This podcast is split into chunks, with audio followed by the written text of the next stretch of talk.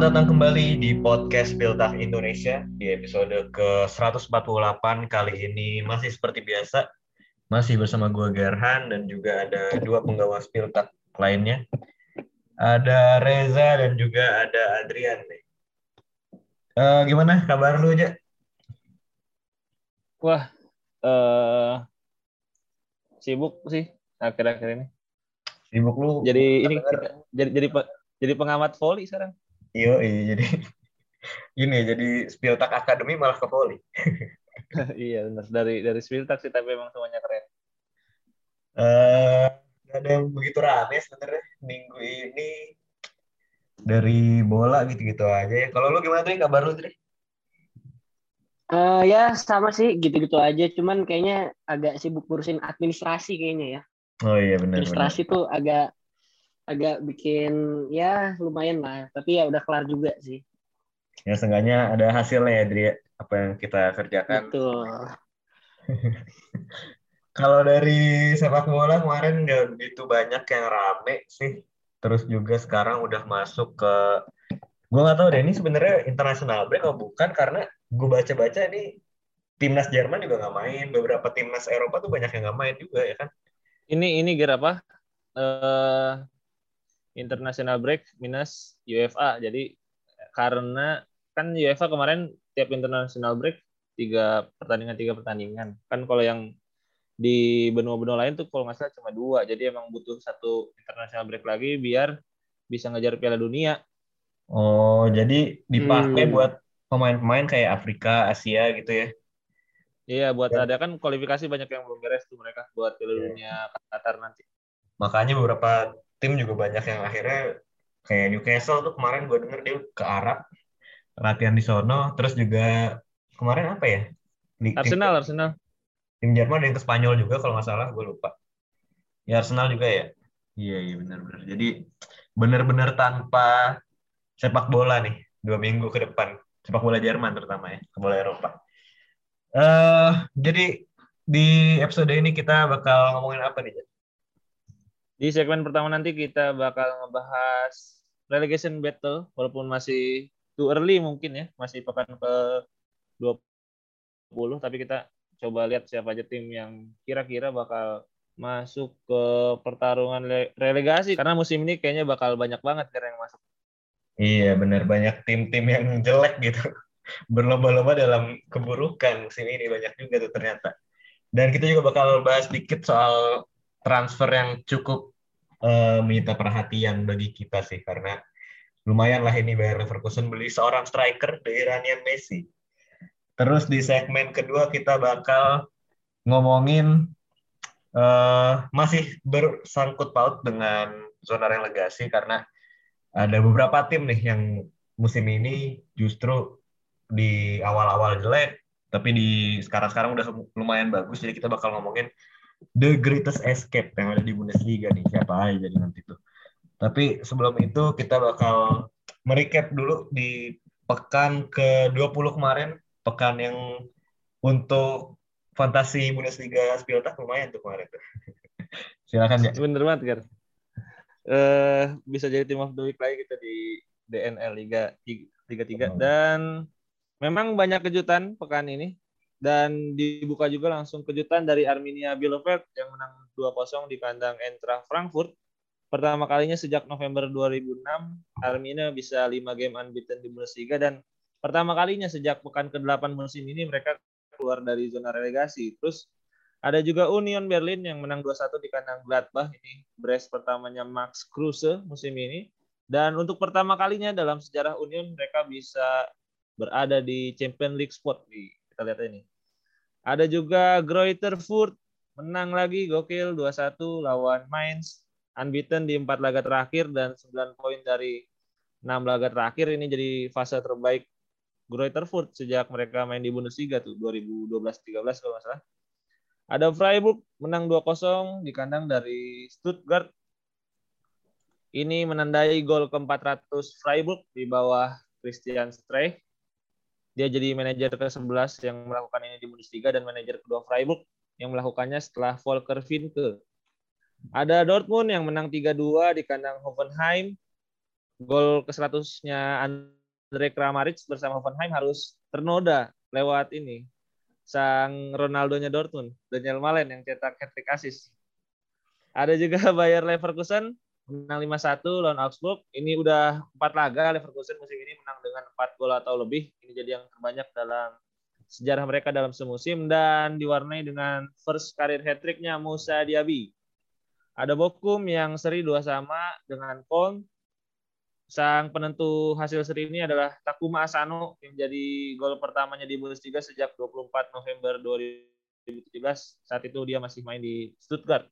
Ada RB Leipzig menang 2-0 dari Wolfsburg, kemenangan ke-100 RBL di Bundesliga dari 190 pertandingan. Hanya Bayern yang lebih cepat. Dan mereka di grup runde ini sangat membaik karena jadi tim dengan kebobolan terendah baru kebobolan satu dan expected goal against-nya baru 2,2. Dan pekan ini ditutup dengan kemenangan besar Bayern atas Hertha 4-1, Gnabry 6 musim beruntun cetak 10 plus gol, cuman ada Lewandowski yang punya raihan serupa dan Hertha nih harus waspada karena sudah kebobolan 42 gol dari 20 laga hanya lebih baik dari Rutherford 52 gol. Dan gue punya fakta menarik tambahan dalam empat laga terakhir Bundesliga yang unbeaten cuma tiga tim yaitu Arminia Bielefeld, Union Berlin sama Greater Stuttgart. Gokil, emang lagi panas-panasnya juga nih papan bawah nih. Padahal kata Ragnik katanya tim tim papan bawah Bundesliga nggak ada yang bisa main bagus katanya. Iya, padahal ya gitulah kita lihat Watford udah ganti pelatih lagi ya. Newcastle tapi menang kemarin. Ini kenapa kenapa bahas Premier League ya? Kalau dari papan atas sih nggak ada perubahan, masih sama semua. Bayern, Dortmund, Leverkusen, cuman 4-5-6 doang sih yang kemarin berubah tuh jadi Union peringkat 4 sekarang, Freiburg kelima, Leipzig ke-6, justru Hoffenheim yang keluar dari top 6 nih pekan ini. Uh, sebelum kita bahas ke zona relegasi, mungkin kita bakal ngomongin sedikit atas update dari transfer yang ada salah satu nama besar, ada nggak tahu ini besar apa enggak, cuman dari uh, predikatnya sih lumayan nih, karena dia dijuluki the next Messi dari Iran. Sardar Asmon yang akhirnya pindah ke klub top 5 Liga Eropa ya, setelah berapa musim itu main di Liga Rusia. Akhirnya Wonderkid FM 14 ini mencicipi liga top di Eropa, dia pindah ke Leverkusen buat musim depan. Di kontrak sampai 2027 dan kabarnya juga gratis ya kalau nggak salah ya. Cuman sebenarnya yang jadi pertanyaan adalah Asmon ini juga bisa dibilang lagi prime-prime-nya umur 27 tahun. Dan bisa dibilang juga di di Rusia mainnya juga bagus untuk apa sebenarnya Leverkusen ngebeli Sandar Asmund ya menurut ya? Apakah untuk menggantikan Patrick Schick uh, ancang-ancang gitu atau jadi squad player aja? Kalau menurut gue sih ini jadi benar kata lu tadi sih. Ini jadi sebuah langkah antisipasi untuk setidaknya ketika nanti Patrick Schick uh, misalnya pahitnya dibeli gitu karena emang performanya udah bagus banget bukan nggak mungkin bakal dibeli tim-tim Premier League gitu kayaknya. Uh, ketika Patrick Schick nanti pergi, uh, Leverkusen udah punya penggantinya. Karena kita tahu di marketnya Eropa sekarang susah banget buat nemuin striker khususnya tipikal tipikal tipikal yang goal getter gitu kayak Asmon dan sangat sedikit. Makanya kan sekarang kayak Arsenal juga nyari striker tuh susah kan. Nyari siapa dia yang okay. Dusan Vlahovic pengen ke Juve terus kayak Alexander Isak. Dan seandainya Patrick Schick bertahan pun Asmun gue rasa bisa main di tempat yang agak lebar gitu. Karena kan tipikal Asmun ini mirip menurut gue ya mirip kayak Rafa Bore yang di Entrah justru. Jadi dia bisa main agak lebar bisa main duet sama striker lain. Dan kalau misalnya emang nanti Asmun Sik bertahan yang cabut menurut gua justru si Luka Salario kan karena emang dari musim lalu sebenarnya pengen cabut dia. Iya benar-benar. Dan Aryo juga udah kedatangan Sik juga makin tergeser tuh. Dan sebenarnya si Asmon ini juga udah diincar dari musim lalu. Eh apa dua musim sebelumnya yang pas dia eh musim lalu benar-benar. Yang pas Rasika cabut dari Werder tuh kan tadi pilihannya antara Rasika Asmon atau Schick. Cuman akhirnya belinya Schick nih si Leverkusen. Tapi akhirnya baru musim depan Asmon pindah dan dia bakal jadi pemain Iran ke 16 nih di Bundesliga sepanjang sejarah. Kalau menurut lu gimana Dri? Kedatangan Asmon ini uh, apakah untuk menggantikan Alario atau Patrick Schick? Atau mungkin bisa aja main di sayap kalau kata Reja tadi? Uh, gue setuju sih sama Reja karena Asmon ini udah terkenal dengan versatilitasnya gitu ya. Makanya kalau kita lihat statistiknya di Liga Rusia, dia uh, untuk rasio mencetak golnya cukup oke, okay, tapi dia juga uh, sebagai tumpuan kreativitas di depan juga. Cuman uh, transfer ini sih menurut gue jelas uh, untuk nutupin uh, peluang. Ya kalau Patrick pindah, Leverkusen udah mempunyai uh, striker yang ya bisa dibilang sepadan lah sama Patrick Schick gitu.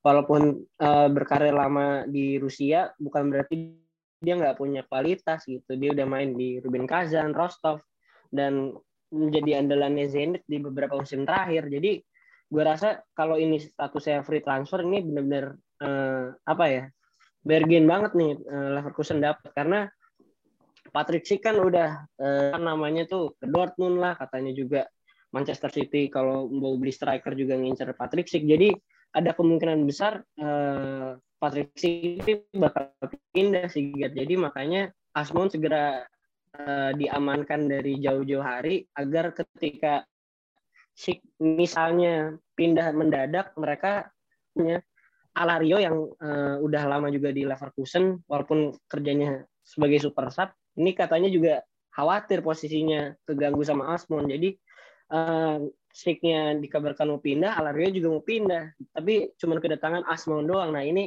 Leverkusen harus lebih aktif lagi berarti untuk cari plan uh, sebagai striker pelapis nih harus beli siapa gitu kan?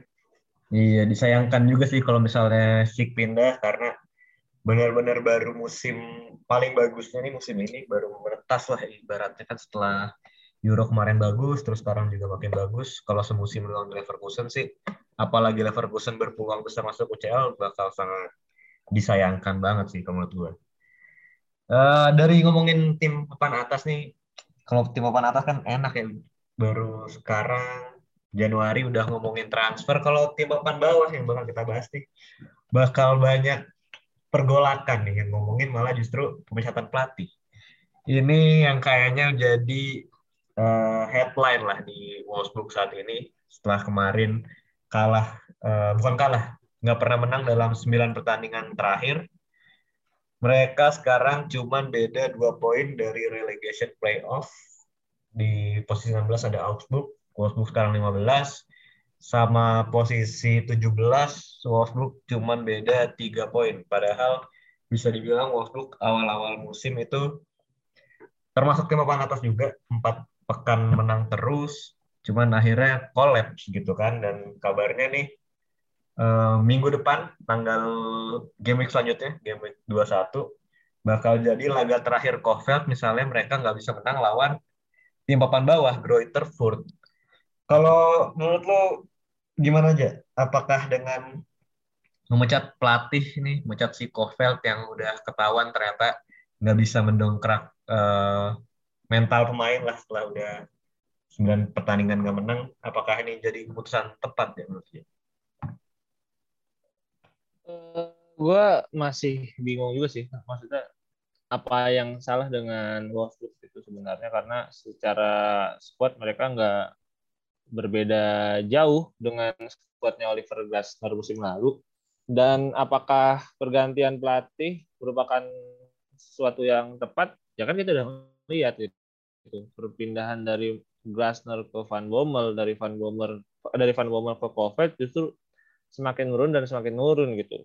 Uh, seandainya mereka ngelakuin ini kan juga ngikutin jejaknya Watford yang baru kemarin juga mencat Ranieri pemecatan kedua di musim ini terus ada Genoa yang udah mencat Shevchenko juga masuk si Alexander Blesin uh, trennya tuh emang tim-tim Eropa ini semakin nggak sabaran makin musimnya dan uh, seandainya pun diganti nih Kovel gue nggak tahu siapa pelatih yang tepat buat Wolfsburg saat ini gitu ya karena masalah utamanya menurut gue bukan ada di pelatih tapi lebih ke manajemennya sih Ger. Iya, iya. Gue juga setuju sih manajemennya juga dari dia mecat Glasner aja udah agak harusnya dipertanyakan juga ya.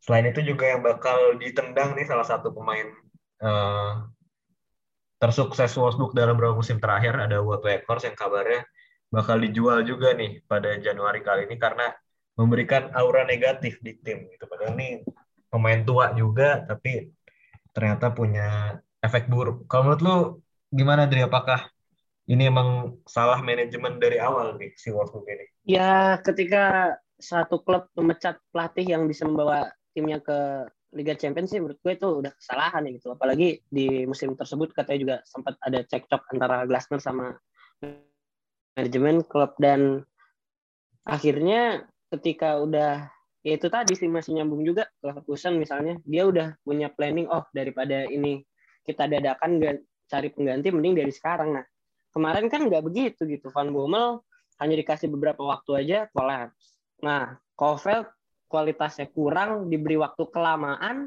akhirnya empat laga, bahkan Wolfsburg empat laga terakhir gak bisa cetak gol. Ini parah banget gitu, kalau menurut gue. Jadi benar-benar uh, mismanagement lah bisa dibilang dari sebenarnya sebuah keberhasilan gitu. Ini yang nggak nggak banyak terjadi di sepak bola Eropa ketika berhasil justru membawa membawa kehancuran di musim berikutnya dan bayangin aja empat pertandingan gak mencetak gol sama sekali. Ada Wild Smith, ada Philip, ada Weghorst, ada Enmecha. Itu semua pemain gak bisa ngegolin gitu. Tapi yang anehnya lagi, memang Glasner ini kan kayaknya tipikal pelatih yang defensif banget gitu. Uh, Wolfsburg yang musim kemarin bagus, sekarang benar-benar keteteran di belakang gitu. Jadi udah pelatihnya salah, kurang tepat cari pelatih, strikernya pada nggak bisa cetak gol terus apa lagi ini bertahannya juga kropos banget dibanding musim lalu jadi ini benar-benar kombinasi yang buruk untuk Wolfsburg dan akhirnya kelihatan di posisi klasemen gitu. Iya benar-benar. Dan di klasemen papan bawah juga jadi sangat panas nih, memanaskan uh, relegation zone Wolfsburg karena di saat beberapa tim kayak Bielefeld, terus juga Greuther Furt yang unbeaten dalam empat laga terakhir, justru tim-tim kayak Wolfsburg, terus Stuttgart, Augsburg, dan Hertha nih konsisten tampil buruk mulu. Apalagi Hertha kemarin juga bahkan sampai diprotes sama fansnya sendiri pada saat sesi latihan. Itu ternyata gue klarifikasi dikit ternyata itu setelah gue baca-baca itu setelah eh sebelum pertandingan lawan Bayern Munchen. Jadi Sabtu paginya tuh di diganggu lah sesi latihannya.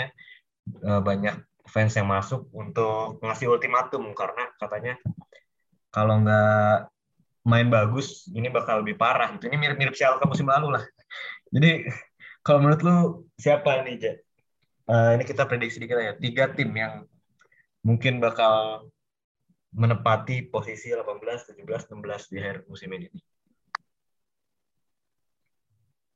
Uh, eh, gue tetap sih satu squad Greuther Foot karena ya sudah terlalu sulit posisinya di putaran pertama. Uh, satu posisi lagi antara Augsburg gue rasa atau Hertha sih justru maksudnya kayaknya trennya turun terus nih Hertha nih dan Typhoon Korkut gue, gue rasa juga bukan pelatih yang bagus-bagus amat. Jadi mungkin antara Augsburg, Hertha atau mungkin Stuttgart lah di posisi relegation playoff-nya.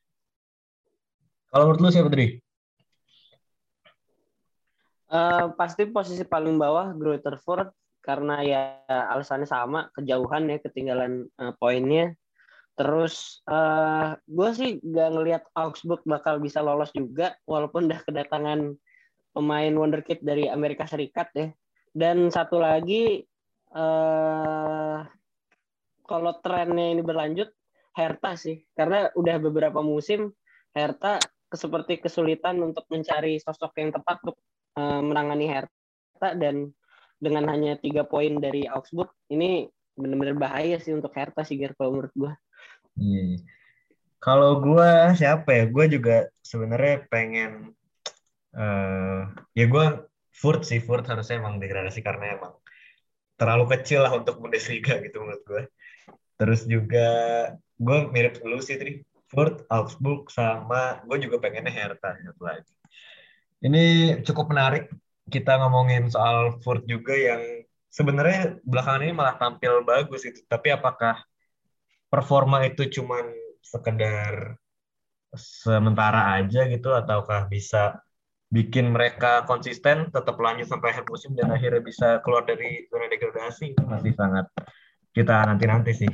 Apakah mungkin Furt bakal meniru beberapa klub yang bakal kita bahas nih di segmen kedua tentang the greatest escape di Bundesliga gitu kan. Jadi tungguin aja bahasannya di segmen kedua.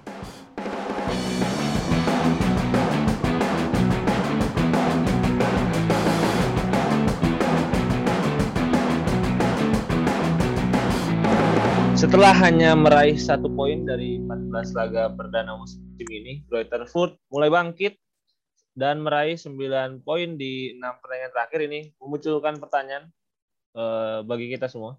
Apakah Furt akan melakukan the greatest escape in Bundesliga history gitu. Jadi uh, mungkin kita bakal bahas Greuther Furtnya dulu aja dikit gitu dan nanti kita bakal nunjukin bahwa ada beberapa tim yang sanggup melakukan penyelamatan ibaratnya yang luar biasa membuat mereka dari zona relegasi begitu lama tetapi bisa bangkit dan keluar dari zona relegasi di akhir musim.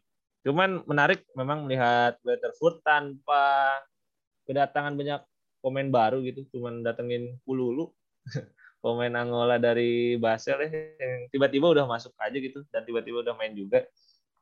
Dan tanpa pemecatan pelatih, Stefan Leitl masih dipertahankan dan ternyata terbukti manjur. Menurut lu apa sih yang menjadi perbedaan Furt di di Rukrundo gitu? Dan kenapa mereka tiba-tiba bisa bermain lebih baik aja gitu? Uh, kalau dilihat dari catatan beberapa pertandingan terakhir sih sebenarnya bisa lihat dari disiplin bertahannya sih. Karena Furt juga dalam empat apa lima terakhir tuh kalau nggak salah dia tiga kali clean sheet. Walaupun ya emang golnya nggak banyak gitu ya karena terakhir tuh dia pas yang golin banyak kan lawan Hoffenheim juga dengan approach yang kayak gitu tuh dia golin tiga cuman masalahnya kebobolan enam nah kayak setelah itu si Greuther Furt ini mainnya lebih stabil di belakang lebih sabar walaupun emang golnya nggak banyak cuman yang kemarin nih uh, juga bisa jadi suatu kemajuan nih terakhir lawan main saya kemarin menang 2-1. 2-0 atau 2-1 sih lupa gue. Itu juga 2-1. Iya, untuk pertama kali juga dia bisa sempat unggul 2 gol padahal tadinya nggak pernah dia unggul 2 gol gitu. Kalau menurut lu sendiri, Dri, apakah masih mungkin bagi Greater Foot nih melakukan the greatest escape atau menurut lu memang sudah terlalu terlambat, Dri? uh, udah terlalu terlambat sih menurut gue dan kapasitas pemainnya terutama di lini belakang nih uh, Grace Beck, Nick Vergever, Jetro Willems, Gianluca Iter nih kayaknya uh, agak sulit gitu kalau harus dipaksa menang beruntun atau nggak kalah beruntun tuh menurut gue agak sulit gitu ya karena ya itu tadi start di awal tuh memang penting ya untuk uh, sebuah tim promosi dan Rutherford mempunyai salah satu yang terburuk dalam sejarah gitu. Jadi uh, gue sih tetap gak melihat walaupun uh, di empat pertandingan terakhir dia nggak pernah kalah, cuman gue rasa Ford akan tetap degradasi sih. Ya memang agak terlalu jauh lah ya ini sangat membuat mereka terpuruk gitu di putaran pertama hanya meraih satu poin bahkan di 14 laga perdana bahkan lebih buruk daripada Schalke kayaknya musim lalu ya.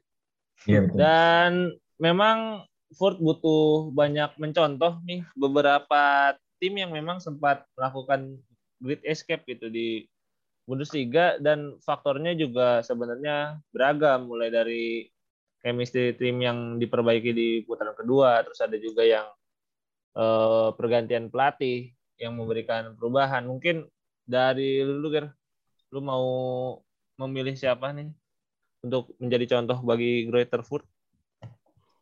Uh, kalau gue sih kebetulan karena tim yang gue dukung di Bundesliga nih udah berpengalaman lah berada di zona relegasi dalam dua atau tiga musim terakhir. Jadi gue bakal ngomongin soal Werder Bremen di musim 1920 karena itu satu-satunya escape-nya tuh. karena musim lalu kan nggak bisa escape dia. Itu justru kalau musim lalu kan sepanjang musim di luar zona relegasi di pekan terakhir langsung nyungsep ya. Iya, dua pekan atau tiga pekan terakhir tuh baru masuk ke iya baru pekan terakhir baru masuk yang ke otomatis itu. Tadi jadi masih playoff. Kalau 1920 emang ini udah ini menjadi awal kemunduran bagi Florian sih bisa dibilang. Karena sepanjang musim mereka itu paling tinggi cuma sampai peringkat 10 itu pun di awal-awal uh, musim gitu baru pekan kelima atau pekan keenam. Cuman setelah itu Werder Bremen mulai terjerembab ke dalam zona degradasi itu mulai pekan ke-17. Jadi pas banget di pekan terakhir uh, paruh musim pertama itu mereka setelah masuk ke peringkat 16 dia nggak pernah keluar lagi sampai akhir musim sampai peringkat sampai pekan 34 bahkan mereka masih tetap cuma naik sekali ke peringkat 17 sebenarnya yang menjadi uh, pengingat musim itu kenapa bisa dibilang sebagai greatest escape walaupun performanya hancur-hancuran cuman uh, seperti bagaimana kisah-kisah gitu kisah-kisah heroik kadang butuh hal-hal keajaiban gitu. Memang di akhir-akhir musim tiba-tiba nih Werder menangnya di enam pekan terakhir mereka menang tiga kalah tiga tadinya tuh mereka terakhir kali menang di Januari 2020. Jadi ini menjadi sebuah uh, kayak apa namanya sebuah semangat baru juga bagi Werder Bremen dan karena mungkin waktu itu gue juga nonton performa Klasen, performa Marcel Eggestein musim itu juga tiba-tiba bagus di akhir-akhir musim dan itu yang menjadikan Werder Bremen akhirnya bisa stay di relegation playoff. Salah satu pertandingan yang paling monumental sih menurut gue waktu pas tiba-tiba di pekan terakhir eh, Bundesliga musim itu si Werder Bremen bisa menang 6-1 lawan FC Köln yang mana tadinya kemenangan terbesarnya juga di pekan 3-1 tuh lawan SC Paderborn menang 5-1 mereka dan pada akhirnya mereka uh, relegation playoff lawannya juga lumayan jago pada waktu itu kalau nggak salah Heidenheim sempat merepotkan Bayern Munchen di DFB Pokal sampai masuk quarter final atau 16 besar gue lupa. Dan Werder Bremen sebenarnya nggak menang di relegation playoff. Mereka seri dua sama total agregatnya di laga kandang leg 1 0-0 di laga tandang Werder Bremen imbang dua sama. Jadi lolosnya lewat away goals juga. Jadi ini benar-benar sebuah keajaiban dan bisa dibilang juga ini sebuah gimana? gabungan faktor luck juga ya? Iya, gabungan faktor luck juga jadi sebuah uh, kayak ya udah ngos-ngosan banget ini sampai akhir musim. Akhir-akhirnya juga menang cuma lewat away goals doang. Ini menjadi musim keduanya sih Werder Bremen tuh setelah sejak tahun 63 kalau nggak salah musim keduanya mereka di Bundesliga dia berada di posisi relegation gitu setelah akhirnya pada 2021 ya degradasi juga ujung-ujungnya gitu. Mending langsung degradasi aja ya.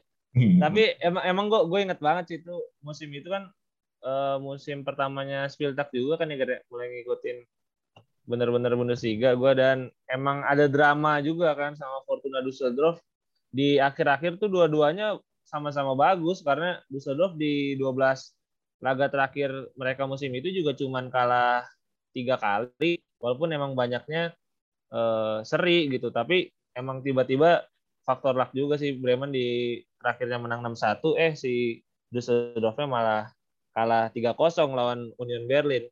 Yeah. Kalau kalau dari lu Dri, mungkin nih siapa yang mau lu pilih the greatest escape Bundesliga?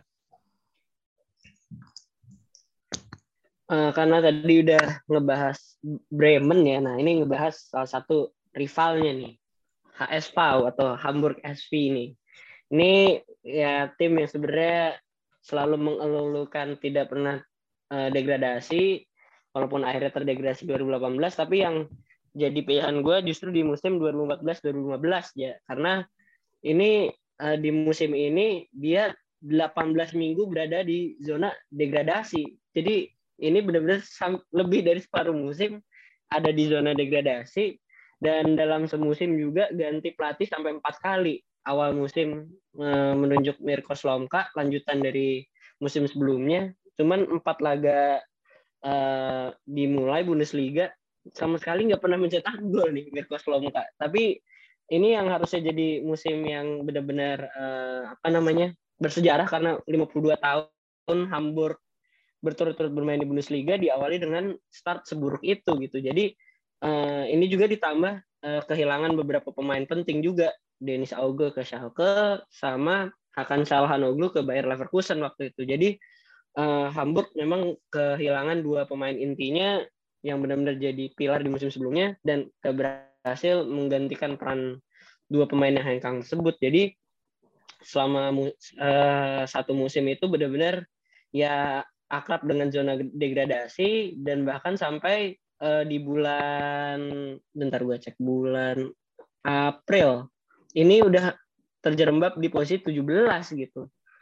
Jadi akhirnya seperti biasa klub-klub Jerman kalau tidak ada pilihan lain akan menunjuk salah satu pelatih yaitu Bruno Labbadia gitu. Nah, ajaibnya Bruno Labbadia tiba-tiba di di tiga pertandingan terakhir eh lima pertandingan terakhir tiba-tiba bisa menang tiga kali gitu. Dan apesnya lagi Freiburg ngedrop poin gitu di di laga terakhir. Jadi Herta uh, sorry HSV yang udah ancur-ancuran di musim itu bisa selamat. Dan yang paling ngagetin lagi nih faktanya HSV cuma berhasil mencetak gol 25 kali dari 34 pertandingan.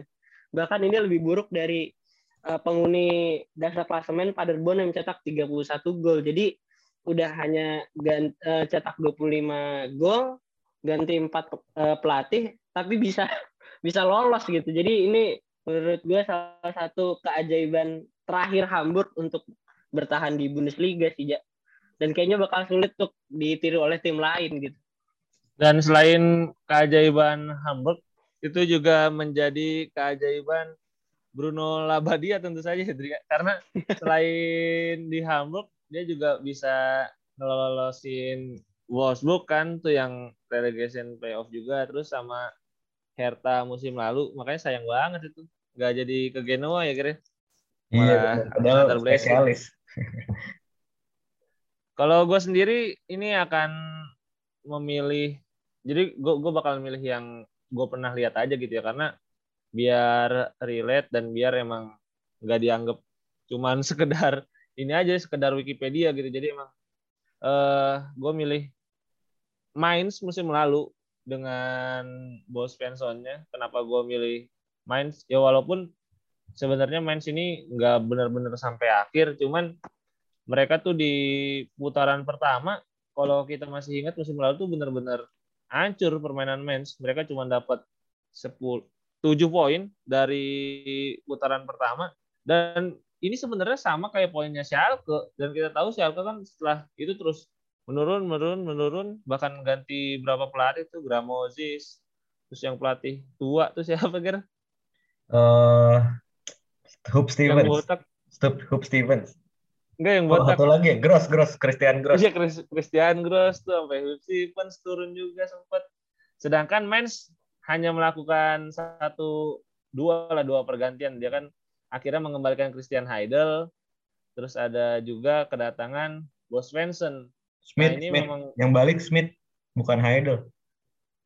Heidel ke posisi sporting director, Smith di posisi bawahnya sporting director, sama oh, Bos Benson di posisi manajer. Jadi emang emang oh, iya, iya. benar-benar iya. balik semua ya? ada, ya. Iya ada revolusi gitu di di timnya dan terbukti gitu setelah Januari mereka terus membaik bahkan sampai beberapa kali unbeaten dan di pekan pekan ke-26 udah keluar dari zona relegasi. Bahkan mereka tuh hampir aja bisa bersaing ke zona Europa League. Cuman emang terlalu jauh lah. Tapi untuk mengingat mereka hanya mengumpulkan 7 poin di putaran pertama terus memang sama kayak Schalke yang hampir menjadi tim terburuk di Bundesliga pada saat itu gue rasa ini juga bisa diperhitungkan sebagai salah satu escape terbaik di Bundesliga sih Iya benar-benar. Jadi sebenarnya emang kalau dilihat-lihat sih polanya tuh kalau nggak pergantian pelatih gitu ya, terus juga eh, pembelian-pembelian di bursa musim dingin kayak Werder Bremen kan sebenarnya juga banyak panik buying tuh musim yang gue sebut Kevin Vogt, Dillon, terus juga Omer Toprak, terus juga Leo Bittencourt, David Selke. Walaupun sebenarnya nggak begitu berpengaruh, cuman uh, pada akhirnya kayak justru malah yang pemain-pemain yang tipikal fighter kayak Christian Gross yang tadinya nggak pernah main di papan atas pun akhirnya jadi andalan. Kalau Hamburg apa ya pure pure ini ya pure magic aja itu Edri. Labadia magic, magic dan Oh, dia benar pergantian uh, pelatih. Kedatangan ini legendnya juga Olix. Olix, oh, Olix, gitu. Olix di oh, iya. di musim dingin walaupun ya itu sebagai ini aja penyemangat aja dia. Tapi ya memang Labadia ini punya magis gitu loh untuk yeah. nyelamatin tim dari zona degradasi. Tapi kalau kalau kita bicara yang paling monumental ya sebenarnya ini kan datangnya pas kita belum nonton Bundesliga kan. Kalau paling monumental ya tentu saja pas Entra Frankfurt tahun 1999 kan itu York Berger masuk di April 1999 Frankfurt udah ada di posisi bawah tapi tiba-tiba di empat pertandingan terakhir menang lawan Bremen, lawan Dortmund, lawan Schalke, bahkan lawan Kaiserslautern dan itu semakin uh, dramatis lagi karena mereka lolos lewat goal difference dan gol terakhirnya Jan Aye Fjord itu menit 89 bahkan si Jan juga bilang di interview kalau dia sebenarnya nggak tahu kan hitung-hitungannya kayak gimana. Dia cuma tahu kalau Entrah butuh gol tapi dia nggak tahu kalau gol itu menentukan mereka bisa main di Bundesliga lagi musim depannya katanya. Hmm. iya nih emang terkenal banget sih itu sampai ada di YouTube-nya Bundesliga juga kalau emang kalian penasaran gitu ya ini mengingatkan kita pada apa ya dulu Premier League juga ada yang kayak gini yang Wigan tuh Wigan Fulham sama yang ini ya? Roda, yang yang roda lega tuh. Yang Wigan tiba-tiba jago akhirnya. Yang apa yang KPR kalah kan itu dua-duanya selebrasi tuh. KPR iya, sama City. Iya, iya benar ya. Iya, iya, iya, 2012. 2012 berarti. Iya, iya. Waktu dulu juga Werder juga pernah sih tuh si Thomas Schaaf musim pertamanya, Thomas Schaaf menyelamatkan dari relegation playoff menang DP Pokal. Kalau musim lalu ini Ger, musim lalu Bornau kalau nggak salah yang Kon tuh golin penentu lawan Bremen apa dua pekan terakhir tuh mana? Musim lalu siapa yang cabut dari relegation? Kon. Oh Kon ya? Iya benar sih. Iya emang lah. Jadi uh, yang nggak bekerja dengan baik ya Schalke sih udah beli Kolasinac, beli Huntelar, mendatangkan DNA Schalke gitu kan ganti pelatih, tepatnya nggak berhasil gitu. Jadi emang ada faktor yang lebih dari itu semua juga sih. Jadi emang harus ditunggu lagi lah ini Greuther Furt apakah bisa nih dengan mendatangkan Amiko Pululu gitu. Pelatihnya juga tetap atau harus diganti itu masih kita lihat lagi lah. Paling udah sih gitu aja di episode kali ini. Lu ada tambahan lagi gak? Dri? Ya. Ya paling nikmatin aja lah Bundesliga sebelum nanti bakal international break lama karena di pekan ini juga bakal ada beberapa partai big match ada Borussia Dortmund lawan Bayer Leverkusen dan juga Bayern Munchen lawan RB Leipzig. Yo, iya benar banget. Jadi tungguin aja lah. Itu aja di episode kali ini. Gue Gerhan pamit. Gue Reza pamit. Gue Adrian pamit. Sampai jumpa di episode Spill Tak berikutnya. Bye.